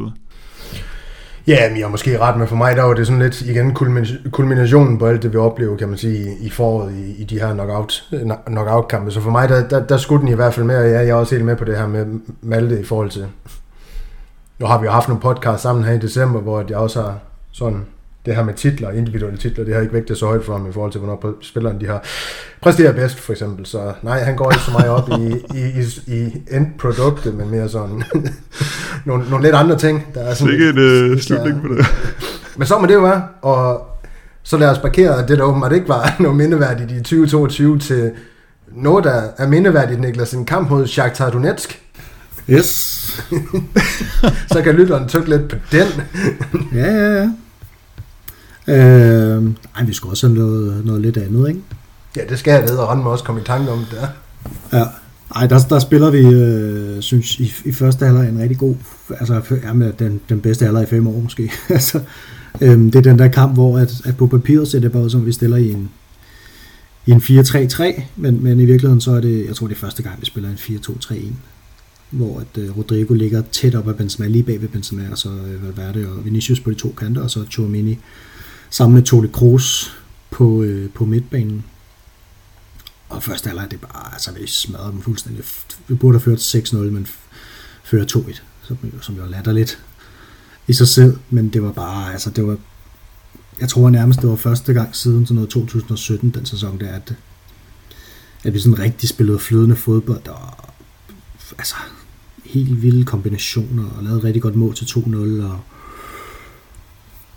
og ja, bare virkelig flot offensiv fodbold øhm, uden egentlig at have brug for de der sådan helt vilde store øh, individuelle øh, præstation. Det, det er det selvfølgelig, fordi at, at man kan sige, relationerne mellem Benzema og Rodrigo sad lige i skabet for eksempel, så det er jo også en stor individuel præstation, men, men et langskud eller en dribletur, der tager Kejler eller sådan noget, det, det, havde, det behøvede vi egentlig ikke der, og det, der er noget, jeg lige at tænke, at nu bliver jeg nok med vilde i år. Hold da op. Og så var det som om, at efterfølgende, der, der, der stoppede vi med at være rigtig gode, ikke? Men den står ud for mig så, som en af de bedste præstationer. Første halvleg i hvert fald. Ja, jeg, jeg kan også se her, nu kan jeg lige tilføje noget til kampen. Altså jeg, igen, det er ikke noget, der stod for mig. Jeg ved ikke, om du har noget tilføje med det, men altså, vi producerer 36 chancer i kampen. 26 åbent spil, 8 efter ja, øh, standardsituationer, så to i kontrafasen. Det er i hvert fald Hus der, der lige har det, jeg lige at, at finde kampen lige hurtigt, mens du snakker, Niklas. Så Ja, det var da en kamp, vi, vi dominerede, og det husker jeg det også øh, som sådan i grove træk for mit vedkommende, fordi en 2-1 sejr igen over Shakhtar, det er igen noget, jeg parkerer. I stedet for sådan en kamp, man skal parkere sig, så ikke dvæler så meget mere ved dem. Men Malte, har du øh, noget, noget, noget til for jer? Nej, men altså, det, jeg, jeg kan jo godt følge Niklas. Det var en fuldstændig forrygende første halvleg. Jeg, jeg husker det lidt som om, at det var en af de her kampe, hvor vi gerne ville have Benzema tilbage på sporet, øhm, og hvor han faktisk sådan fuldstændig på forunderligvis ikke kommer det, fordi uden at jeg lige har tjekket det, men så husker det som om, det er Vinicius, der scorede det første mål, eller det andet mål. Men øh, han scorede det der vilde mål, hvor det var kombineret mellem ham, Valverde og Rodrigo, så tror jeg, Rodrigo scorede det andet. Ikke? Så, så Benzema kommer faktisk ikke på tavlen i den kamp, men spiller en rigtig, rigtig god kamp, hvilket øh, i den her sæson desværre har været alt for sjældent. Øh, men, øh, men ja, jeg var enig i det der med, at, øh, at det var en, en, en offensiv med fire virkelig dygtige spillere. Altså fire spillere, der alle sammen spillede rigtig, rigtig godt. Og hvor, øh, altså, hvor i sidste sæson var det Benzema og Vinicius, men i den her kamp var det også øh, Valverde og Rodrigo, som, øh, som var rigtig godt kørende.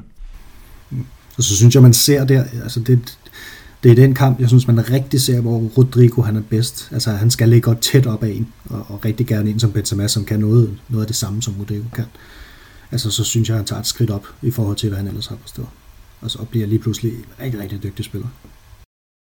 Ja, lige præcis. Øhm, øh, jeg, jeg tror også, han vil... Øh, nu så jeg ikke Brasiliens seneste kamp her, hvor vi sidder op til. Øh, men den her Neymar-rolle, som han kunne bare tage på det brasilianske øh, landshold, den tror jeg, han funkler ganske fornuftigt i. Det, er, det bliver sådan lidt underligt nu med ham, når han skal starte for højre og så søge ind, eller faktisk også på nieren, selvom han, han gør det jo ok på nieren. Det er bare som om, at han på fysikken og sådan nogle ting, der ikke lige, lige har, den, har den sidste edge over for sin, øh, sin modstander, der gør, at han, ja, han kan være så fremtrædende i virkeligheden i, i rollen. Så ja, han skal have en, han kan have, spille sammen med deroppe, som du lidt er inde på, øh, Niklas. Jeg synes, vi parkerer den der, og så springer vi videre til det sidste indspark. Og det er, jeg har også valgt en Barcelona-kamp. Jeg har så valgt en, der er mindeværdig, vores 3-1 sejr i 2022 her i efterår over katalanerne, fordi jo, jeg ved godt, Lewandowski har den her, hvor han hakker over mål, men lad os bare lege til, at han er offside der. Alligevel, hvis den går ind. Øhm, jeg synes, det var en dominerende præstation af Real Madrid, selvom de kommer ind i kampen ved Ferran Torres til sidst, hvor vi er op 2-0. Men jeg føler lidt, at vi har haft en, en masse chancer. Jeg, jeg, nej, det, det er forkert at sige, at det dufter mere end Manita, det dufter mere end 3-1, men der var bare noget øh, lagt i kakkeloven til, at, at vi vi, vi kunne have slået det her Barcelona-hold med, med, med 3 og 4, men, men så ender det med en, med en 3-1, som jo er en overbevisende sejr, men det brændte alligevel på lidt sådan til sidst, da Barcelona de, de tror på det efter det her 2-1-mål, men så får Rodrigo heldigvis, nej jeg ved ikke om det er Rodrigo, der får straffesparken, vi får, ja, tilkæmper sig det her straffespark, og så også øhm, får sat den i nettet til 3-1, men, men igen, det her med at, at få visket tavlen ren igen over for Barcelona. De slår os 4-0, vi slår dem 3-1. Jeg ved godt, at det, det, det udjævner ikke det helt, men det viser alligevel også bare for mig, at at Ancelotti sådan taktisk ikke har tabt sutten fuldstændig. Her har han selvfølgelig også Benzema med, så det gør jo en del i forhold til Real Madrid spil. Det har vi jo set på mange andre tidspunkter. Jeg har også et spørgsmål til jer her bagefter, som, som det nok også kommer til at læne sig lidt op af i virkeligheden. Men øhm, den her 3-1-kamp, Malte,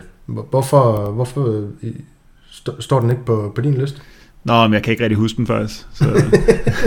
Nå, det er også bare nogle kampe, du parkerer i. ja, det, det der, det var jo bare en dag på kontoret. Det, okay. Ej, det var, jamen jeg, jeg synes egentlig, du har sat nogle fine ord på det. Altså i 75 minutter den kamp her, så var vi øh, så meget bedre end Barcelona, som vi, vi burde være, og som vi også burde være i sidste sæson i øvrigt. Øh, måske endda endnu mere end i, i sidste sæson, ikke? Men, men ja, så har vi lige 15 minutter, hvor vi gør det svært for os selv. Desværre lidt, øh, lidt et Real Madrid-syndrom nogle gange, synes jeg desværre. Men øh, ja, så, så, så dominant præstation, som, øh, som det, hvor det lige blev, blev farligt undervejs. Ligesom Supercup-kamp mod dem, ikke? Altså, hvor vi mod i forlænget spilletid, selvom vi bare er klart, klart, altså et klart, klart bedre hold, men måske øh, for konservativ eller forsigtig, eller der måske er nogen, der lige holder lidt i håndbremsen, selvom man egentlig bare burde smadre dem.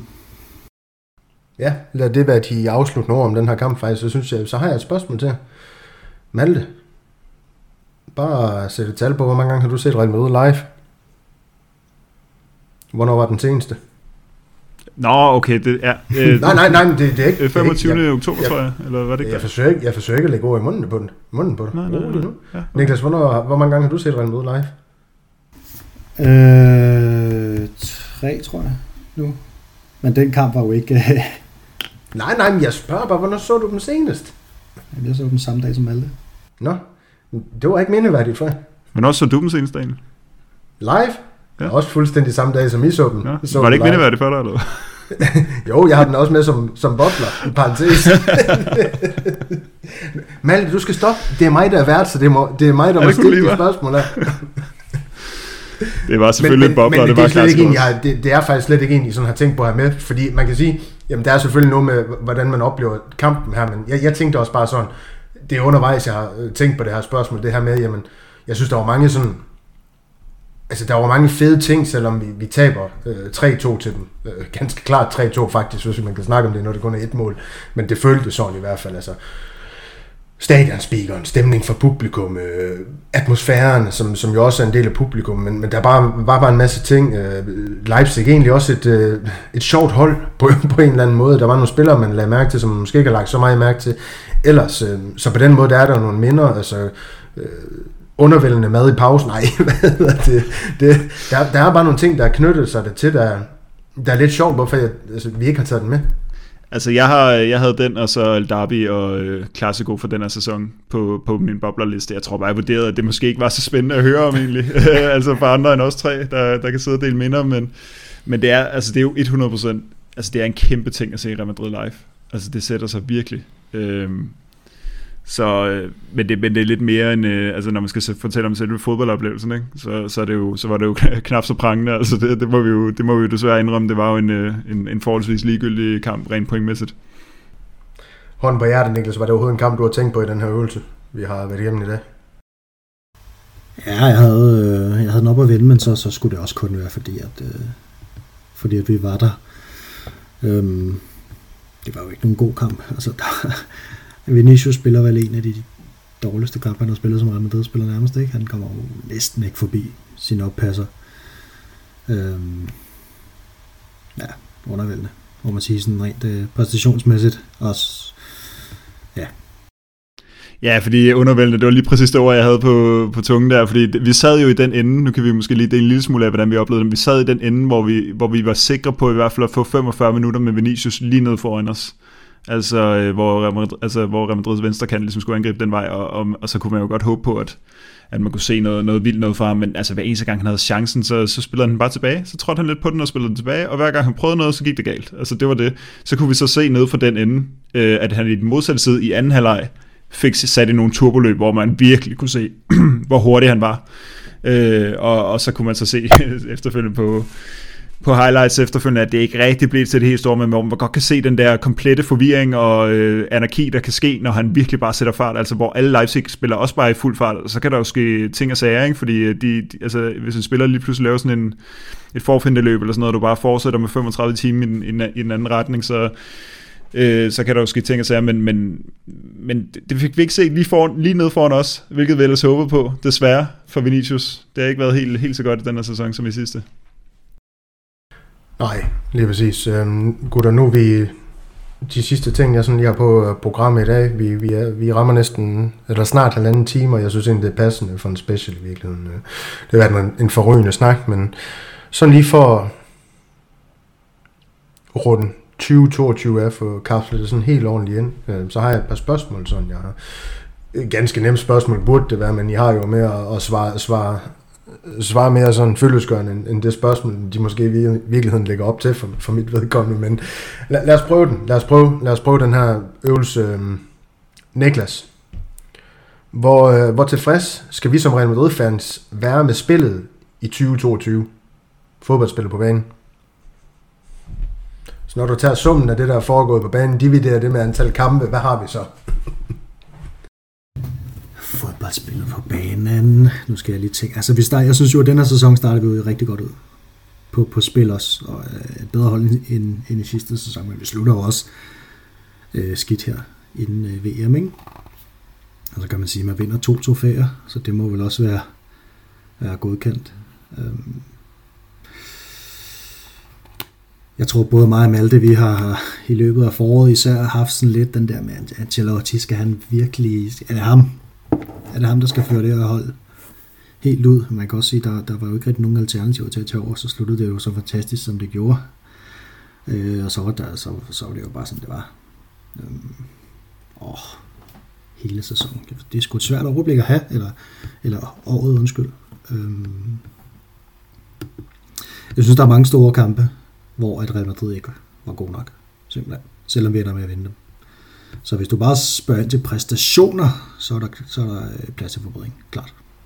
Ja, det, det er også en, en færre sag. Vi, vi høster jo de her to titler fra 2021-22 sæsonen. Det er jo to, 22, man kan sige, vi vinder La Liga, eller i hvert fald uh, sætter punktum på, på, på kampagnen på de 38 kampe, og så også Champions League for den i huset, så vinder vi den europæiske Supercup mod Frankfurt, som jo også tæller med i titelhøsten i... Og den spanske i januar jo. Og den tæller vi med som sejr allerede nu, eller hvordan? Sidste januar. Januar 2022. Ja, ja. ja. Og, øh, Nå ja, det er rigtigt. Sorry, det er rigtigt. Ja. ja. Uh, uh, uh, uh. Godt, Malte. Godt ord igen. Men Malte, så kan du så få den her i stedet for, øh, for jeg vil ikke høre dig snakke negativt om Carlo øh, mere. så du kan få den her. Hvor tilfreds skal vi som Real Madrid-fans så være med, med resultaterne i 2022? Og det er måske lidt i forlængelse af der, hvor Niklas han, han slutter, kan man sige. Ej, det synes jeg, vi skal være meget tilfreds med egentlig, fordi vi, vi har mange, øh, altså nu siger du rent resultatmæssigt, ikke? altså vi har mange, mm. vi har rigtig, rigtig mange kampe, øh, og vi har en meget smal trup, og vi havde en VM kommende op, øh, kommende i, i kigger der, som gjorde nogle af de seneste kampe, tror jeg, blev, blev meget slidte, men, men nu tager, beder du mig også om at tage den der vanvittige steam, vi havde i starten af sæsonen med, og så synes jeg, vi skal være tilfredse. Altså, øh, øh det, det er...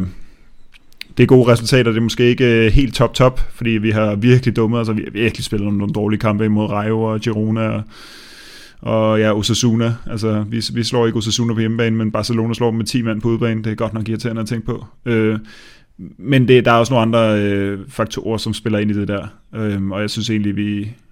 Altså det, det er bare fordi Barcelona har, har taget så meget i La Liga, at det ikke øh, ser endnu bedre ud, end det egentlig gør. Jeg synes, vi kan være ganske tilfredse med resultaterne. Ja, det er desværre bare igen sådan noget klassisk Real Madrid at, at tabe de her øh, kampe til, eller spille uafgjort, tabe point til de her de her små hold i løbet af sæsonen, hvor man tænker, det, I burde egentlig bare udbygge det, I, I, I er i gang med, og så omvendt det her med at lave det umulige mod de store hold, det er, det er lidt en sjov, øh, jeg ved ikke om sjov det giver mening at bruge det ord, men det er i hvert fald en, en kontrast i det her Real Madrid-mandskab. Øhm, så, øhm, Niklas, du får den her, du tiger lige stille, du får den her. Hvor tilfreds skal vi som Real Madrid-fans så være med titelhøsten målt op mod det her, vi har snakket om, spil og resultater i 2022. Så hvis du lægger summen af de to ting sammen, hvor tilfredse skal vi så være med de titler, vi har fået? Ej, så skal vi være ekstremt tilfredse, ikke? Det ved jeg ikke, det er dig, der er. Jo, det, det skal vi. Det, det er jo... Jeg tror, det er statistisk usandsynligt, at det kommer til at ske igen, hvis vi lige skulle, hvis vi gennemgik den igen i simulatoren, vil jeg sige. Det var, det, det var også statistisk umuligt, at man skulle vinde Champions League to år i streg. Nu har Real Madrid gjort det tre. Ja, jeg ved godt, Malte, at jeg nogle gange sætter Ikke det lige så statistisk. Jeg ved godt, jeg sætter det på spidsen. øhm, der, jamen, vi har jo vundet trofæerne, kan man sige, så der er jo ikke øh, så meget der, og vi har, har gjort det på en dramatisk måde, som gør kampene mindeværdige. Jamen, det, er, det er et forrygende svar, Niklas. Det er et forrygende svar. Malte, du får lov til at lukke øh, show med den her. Niklas han har jo faktisk lidt løftet slør for, det åbenbart ikke kan lade sig gøre igen det her, men duplikerer Real Madrid det her i, i 2023 i et eller andet omfang? Kan det lade sig gøre og øh, vinde Champions League La Liga igen? Jamen, det er jo, det er jo også lidt... Øh, altså, vi har jo snakket om det her på tidligere podcast, og jeg synes jo egentlig, at Real Madrid har bedre chancer i, i den her sæson, end, end vi havde i sidste. Og det er, det er det der med... Altså, jeg håber, at vi kan undgå at ramme City, altså Manchester City. Og der, altså, alle andre hold mener egentlig, at vi har en fin nok chance imod. Så ja, det kan vi godt øh, gentage det her. Øh, det bliver ikke på samme måde. Nu sagde du et eller andet omfang. Titelmæssigt kunne det godt ske, men det kommer ikke til at være med de der fuldstændig vilde mirakler. Det er umuligt at, at lægge sin sæson op på, at vi kan gøre den slags igen. Altså, og det, det, altså det, øhm, det, det tror jeg bliver svært, men, men selve titlerne, altså vi skal, vi skal simpelthen vinde det spanske mesterskab. Og så øh, må vi se, hvordan det går i Champions League. Ja, fordi det var jo ikke, det var ikke titlen i sig selv, der er statistisk usandsynlig at opnå. Det, det, var, jo, det var jo okay. Men det, altså, øh, titlerne kontra præstationerne, det, det er ikke sikkert, at det lige kommer til at ske igen øh, på samme måde. Og så vil jeg sige, nu, nu skal det lige siges, at vi optager jo det her øh, sidst i november, øh, og vi ved ikke, hvordan at, at VM er gået endnu, og hvem der er kommet tilbage skadet osv. Men vi møder Liverpool i 8. i Champions League, og Liverpool, de... Øh, Erling Haaland, nej undskyld, ikke det jeg siger det. Øhm, Salah, han spiller ikke VM. Øh, Luis Diaz, Firmino, Robertson, øh, Trent spiller en lille smule, ikke? det er ikke meget, han spiller til, til VM. Øh, Thiago, de, de har rigtig mange spillere, som bare øh, holder ferie lige nu og, og lader batterierne op. Og alle Real Madrid's gode spillere, undtagen Toni Kroos nærmest, og, og Alaba, de er til VM. Ikke? Så, så det kan jo blive afgørende. Der er i hvert fald en masse parenteser forbundet med det spørgsmål her. Øhm, hvis nu tingene falder ud på en bestemt måde, så kan det godt være, at det ikke lykkes Real Madrid i hvert fald at, at vinde nogle titler i det hele taget. Igen, der er også den her uvidshed med Benzema for eksempel. Han er, han er jo tilbage i Real Madrid, hvor vi sidder, eller han er i hvert fald ikke i den franske landsholdslejr i Katar længere, mens vi sidder her og optager på, på podcasten, og, og hvordan kommer det til at gå med hans ja, genoptræning? Find, kommer han til at finde sig selv igen, eller har, har vi set det bedst for ham 7-13, for vi ikke har det? Men lad os lade være med at give mere, gisne mere om det her. Nu stopper jeg Niklas igen, det beklager Niklas. Havde du en sidste ting? Nej, jeg vil bare sige, at vi har jo nok set det bedste fra ham, men det betyder ikke, at, det behøver ikke betyde, at det bliver dårligt for nu af. Og så skal vi også tænke på, at vi har slet ikke fået ham i gang endnu, og vi er kun to point efter Barcelona. Og det er jo godkendt. Ja, ja. Jamen, jeg, jeg er enig. Altså, at igen, i snak med Malte, der har jeg også hørt det næstbedste for Benzema. Det er også uh, godt nok til at komme på et vist hold, som vi stillede på et tidspunkt. Men... Er du ikke enig, eller hvad? jo, det er jeg, Malte. Men øhm, det var det. Tak for snakken. Jeg synes, I præsterede vidunderligt øh, i, i den her podcast, for en gang skyld. Ja, det er godt at høre. Ja, men Tak. øh, Ja. I lige måde. Ja. Og jeg håber også, I er tilfredse med vores gennemgang af det, vi mente var de fem mest mindeværdige øh, kampe i 22 for Real Madrids vedkommende. Der var lidt øh, genganger mellem os, men der var også øh, lidt forskellighed, så det var fremragende for den her snak på benene. Og så tror jeg faktisk, jeg vil sige tak for i år. Til. Jeg, jeg er ret sikker på, at vi kommer til at optage mere før i 2023, når den her den, den rammer jeres øregang. Øh, Vi har brug for lidt øh, restitution, det ved jeg i hvert fald, jeg har. Lidt tid til at tænke måske i virkeligheden nye idéer ind i vores virtuelle univers. Vi arbejder altid på at, at gøre det her produkt øh, bedre. Det kan lade sig gøre. Jeg ved godt, det er svært, men det kan lade sig gøre. Det kan altid lade sig gøre at dygtiggøre sig. Øhm, også for vores vedkommende i, i vores forskellige roller. Øhm, og så vender vi egentlig bare stærkt tilbage i øh, 2023, forhåbentlig med endnu skarpere analyser, holdninger og quizzer, Niklas. Spas og, meget, meget mere. Jeg ved i hvert fald, der er en paneldeltager, der måske godt kunne tænke sig, jeg ved ikke en skarpere quiz, men i hvert fald, vores spørgsmål er formuleret sådan lidt mere i... Øh, ja, jeg ved ikke. Så han kan vinde en gang mellem Jesper. jeg skal lige til. Jeg, jeg, jeg, skræddersyr de quizzer, der er nogle gange til Jesper. Og alligevel, alligevel, så kan han ikke... Øh, altså, det er jo, det er jo reelle Calciopoli for Juventus i 2006, ikke? Det er jo det, vi har gang i. bare hvis, hvis, hvis så Juventus bare rykkede ned lovligt øh, samme sæson. Altså, Ingen podcast uden lidt Jesper Bashing. Det skal nej. Og, og med de ord, der vil, jeg, der vil jeg faktisk egentlig bare ønske øh, god jul og godt nytår til jer derude. Vi lyttes ved. Alla Madrid. Indad más.